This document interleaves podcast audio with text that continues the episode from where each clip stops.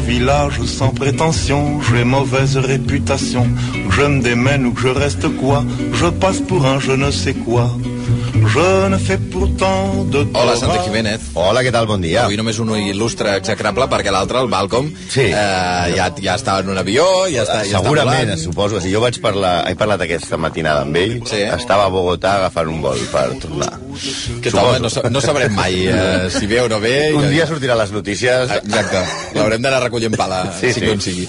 A, a veure, qui entra avui al, al Club dels Il·lustres Execrables? Home, avui entra un dels que aquests que li tenim bastant apreci, perquè és Ah, un, sí? ex- és un execrable simpàtic, no? O sigui, és un home que per la seva contribució a la literatura és admirable, perquè és un gegant de la novel·la moderna, va, va, és, diguem-ne, un dels fundadors de la novel·la realista, va intentar aglutinar tota la societat francesa amb una obra gegantina, que és la comèdia humana, però l'admiració per Honoré de Balzac, que és el nostre personatge, no ve per la seva obra, ve perquè li fotia un morro la vida que se l'acabava. O sigui, e- era dels morros. Però, però hi ha aquest canvi, no? O sigui, ah, hi ha gent dels il·lustres que vosaltres, diguem-ne, ja li teniu tèrria, però amb ell us cau bé. Sí, hi ha molt, no, no tots ens cauen malament, eh? o sigui, sempre hi ha un punt de, de, de poder-los de poder-los eh, mirar amb simpatia, però, eh, vull dir, però no el mirem per simpatia per la seva obra, sinó perquè hi ha un tipus Balzac que era mal encarat, addicte, faldiller, brut, un tio amb pocs modals, i una obra que molt, molt irregular, no? Ara això seria eh, a l'exemple, però bàsicament el tio era un jetes, i això sempre ens cau bé.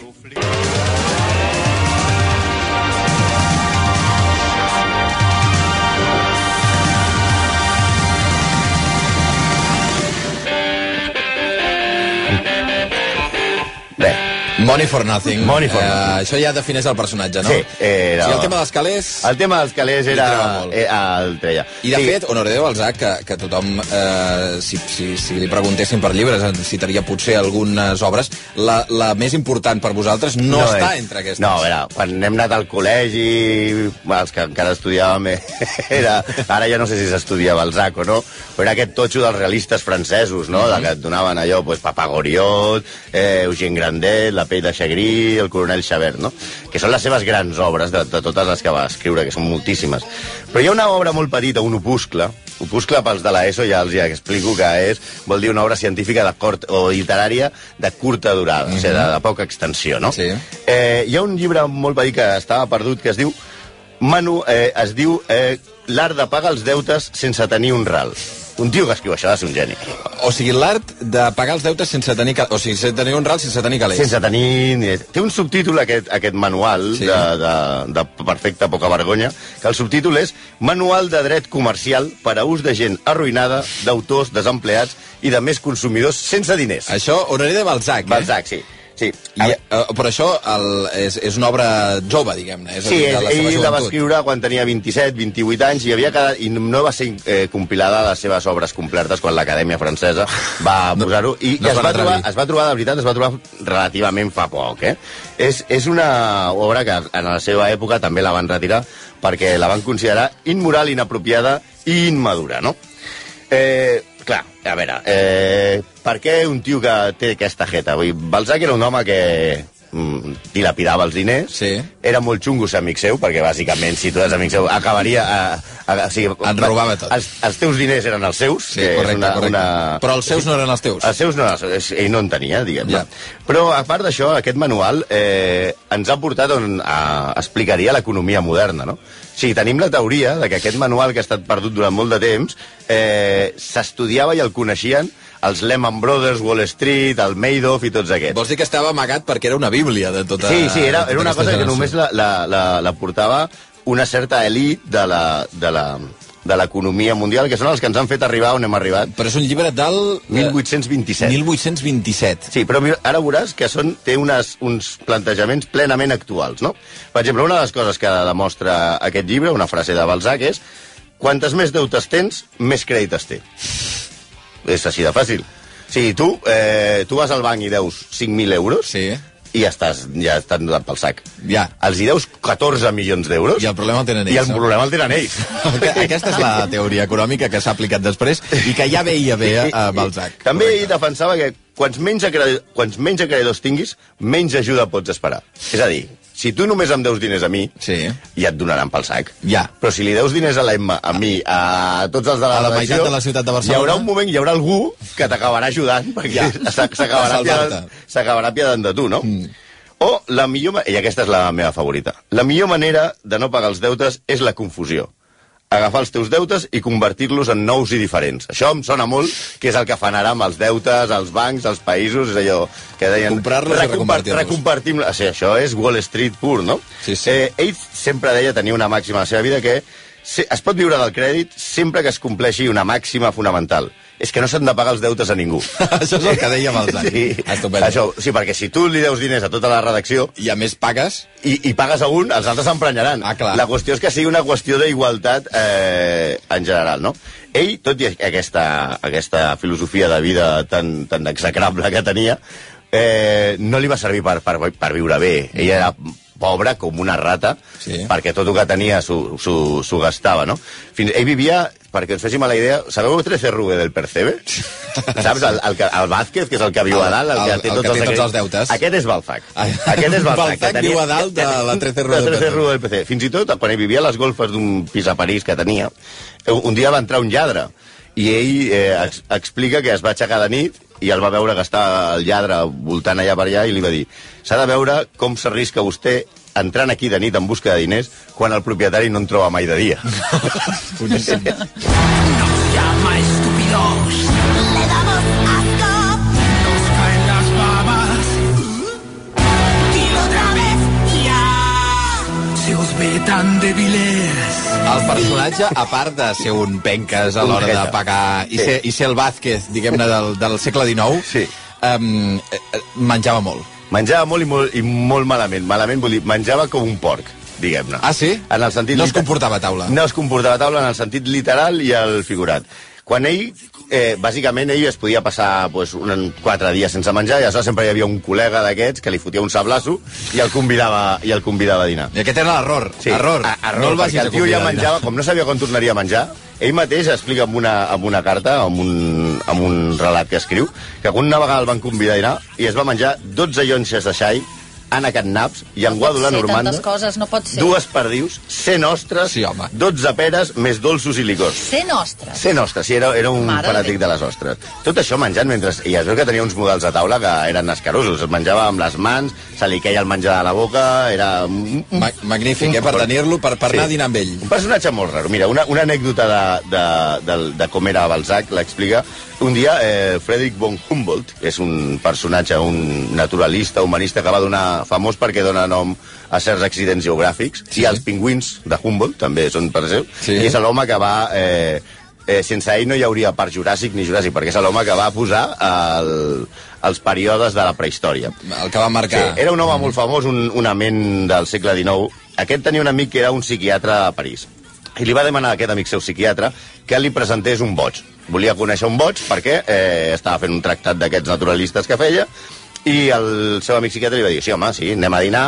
I va pensar que en el dinar seria bo que va convidar Balzac, que el devia trobar allà, i li va dir, mira, mira, que et presentaré a Humboldt. A l'acabada de dinar, el Humboldt li va donar les gràcies al psiquiatre i li va dir que eh, estava molt agraït per, per haver-li presentat aquest magnífic exemplar d'home boig, que era un cas perdut i fascinant. Però el, el, Humboldt, el psiquiatre li va dir al Humboldt, no, no, si aquest era Balzac, el boig el anem a veure després, eh? I el Humboldt va dir, hosti, no, era Hòstia. aquest, era aquest, ja m'estava sí, bé, no? Sí, sí, Boníssim. I una altra de les manies que tenia, per exemple, eh, tot i que hem dit que era un tio bastant guarro, desagradable, un penques i molt poc amic de la higiene, eh, era un tio que tenia molt èxit amb les dones. Ah, sí? Sí, sí, realment era, era, un, era, era un, un gran... Triomfador. Un gran triomfador, sí, sí, un primer espasa de l'època. Eh? Eh, però ell considerava que quan estava escrivint eh, no podia eh, mantenir relacions sexuals, com a mínim ejacular.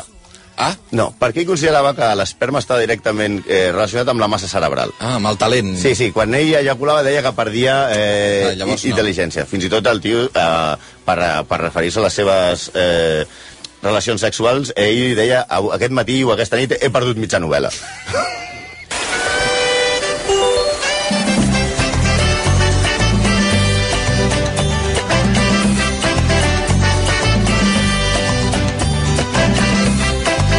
Ojalá que llueva café en el campo. Però era un currante o no? Era, era un maníac del treball, era un, el que diuen ara un workaholic, un addicte al treball. Amb 20 anys com a escriptor va publicar més de 100 obres, incloent novel·les, contes, obres de teatre. Surten gairebé 5 novel·les per any, eh? Cinc novel·les per any. Sí, sí, era, era, patia Això d'hiper... tu, tu, tu eh, ho compares amb qualsevol Prolífic, creador mare. No. actual Sí. i no té comparació possible, eh? Ell patia d'hipergrafia, que això, en teoria, si ets Balzac no ha de ser dolent. Mhm. Però és que també resulta Hipergrafia, que és que no pots parar Mm-hmm. que... que d'escriure. no pot parar d'escriure. Escrivia unes 15 hores al dia. Uah.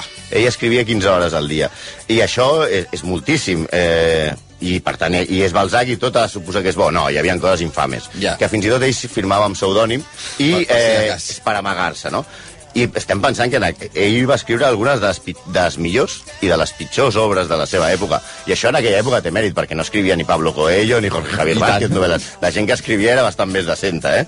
Ell, per com aguantava aquest ritme de treball? pues era un addicte al cafè Ah, es prenia 50 tasses de cafè al dia, diàries. diàries. Però aquest, home- aquest home era tot en gros. No, tot en el gros, que sí, sí. li agradava Això era són en do, gros. dos cafès per hora, mm, si estiguéssim sí, desperts les sí. 24 hores. És més, clar, quan tu prens cafè has d'estar sentu- assegut en algun lloc. Sí. Sí. No, encara no anava la gent per país amb això dels Starbucks on van aquests Home, pijos. home, Honoré. Aquí, eh, Honoré, aquí un maquiato per a Honoré, no? Que te dibuixen allà el... el... era tal la seva addicció al cafè que ell a les butxaques dels abrics, els pantalons, portava grans de cafè per quan anava d'un lloc a l'altre mm. poder seguir mastegant cafè Que bo. i, se- i seguir amb, amb aquesta ingesta descomunal de cafè. És una Que aquest- addicció, directament. I què provoca tant cafè? Uns dolors de panxa... Home, es va destrossar, ostres. es va destrossar el, si- el sistema digestiu amb, amb, el, amb el cafè. Cosa que també, veient el tamany de l'home, devia fer unes caques Va, bastant poc home, per favor. recomanables, eh? No. Ell va sempre voler viure com un aristòcrata i eh, com ho feia, això, també? I necessitava algú que li pagués els cafès. Doncs pues, aleshores vivia de les dones. Ah. Vivia de les dones grans. Ell, eh, dintre de l'èxit... Vols dir que es lligava Es lligava a senyores senyores, grans amb- amb ancianes, calés. ancianes, sí. Ancianes amb ancianes calés. amb calés, perquè li paguessin els cafès, no? Ja hem dit que amb tanta obra mestra i, i tanta cosa dolenta també és molt criticat per eh, altres escriptors. Per exemple, eh, Josep Pla no el suportava, deia que no detestable, Gombrowicz, el- l'escriptor polonès d'aquests que va estar sempre a punt de guanyar el Nobel, deia que era, era molt avorrit, els germans Goncourt també parla molt malament d'ell. Evidentment va tenir un final molt dolent, va morir destrossat pel cafè, eh, mig boig, i mentre delirava al seu llit de mort, ell va demanar que anessin a buscar a Horace Bianchon perquè el curés. Qui era Bianchon? Bianchon és el metge eh, de ficció que ell fa servir a les seves novel·les. Oh. Ell només sabia, quan estava allà, els últims dies només li demanava als seus amics que anessin a buscar Bianchon, que era un personatge que ell mateix havia creat i que ja no diferenciava entre la realitat i la, i la, i la ficció. Però fixa que té una part molt poètica tot això, que és eh, busco fins a l'últim segon, la meva recerca és en la ficció, és a dir, en, Sí. sí. en el món dels llibres. No? Sí, però bé, per això ens cau bé. O sigui, és un execrable Ja. ja. simpàtic perquè Una té... mica desgraciat, diguem-ne. Perquè té una, té una de les millors frases de la història de la humanitat. A veure. Pensem. Eh, ja hem dit que era molt pobre i de tant en quant teni, re- rebia diners. Eh, una vegada, un cop, un tiet seu llunyà va morir i li va deixar una petita herència, una petita fortuna que li permetia, que li permetia millorar la seva situació econòmica. Eh, la va anunciar així als seus amics. Va dir, haig de comunicar-vos que ahir, a la nit, el meu oncle i jo mateix hem passat a millor vida. Boníssim. Honoré de Balzac, avui que ja té el carnet dels il·lustres execrables gràcies al Santi Jiménez i eh, en la distància el Malcom El Mal. Otero. Ja saps la setmana que ve què?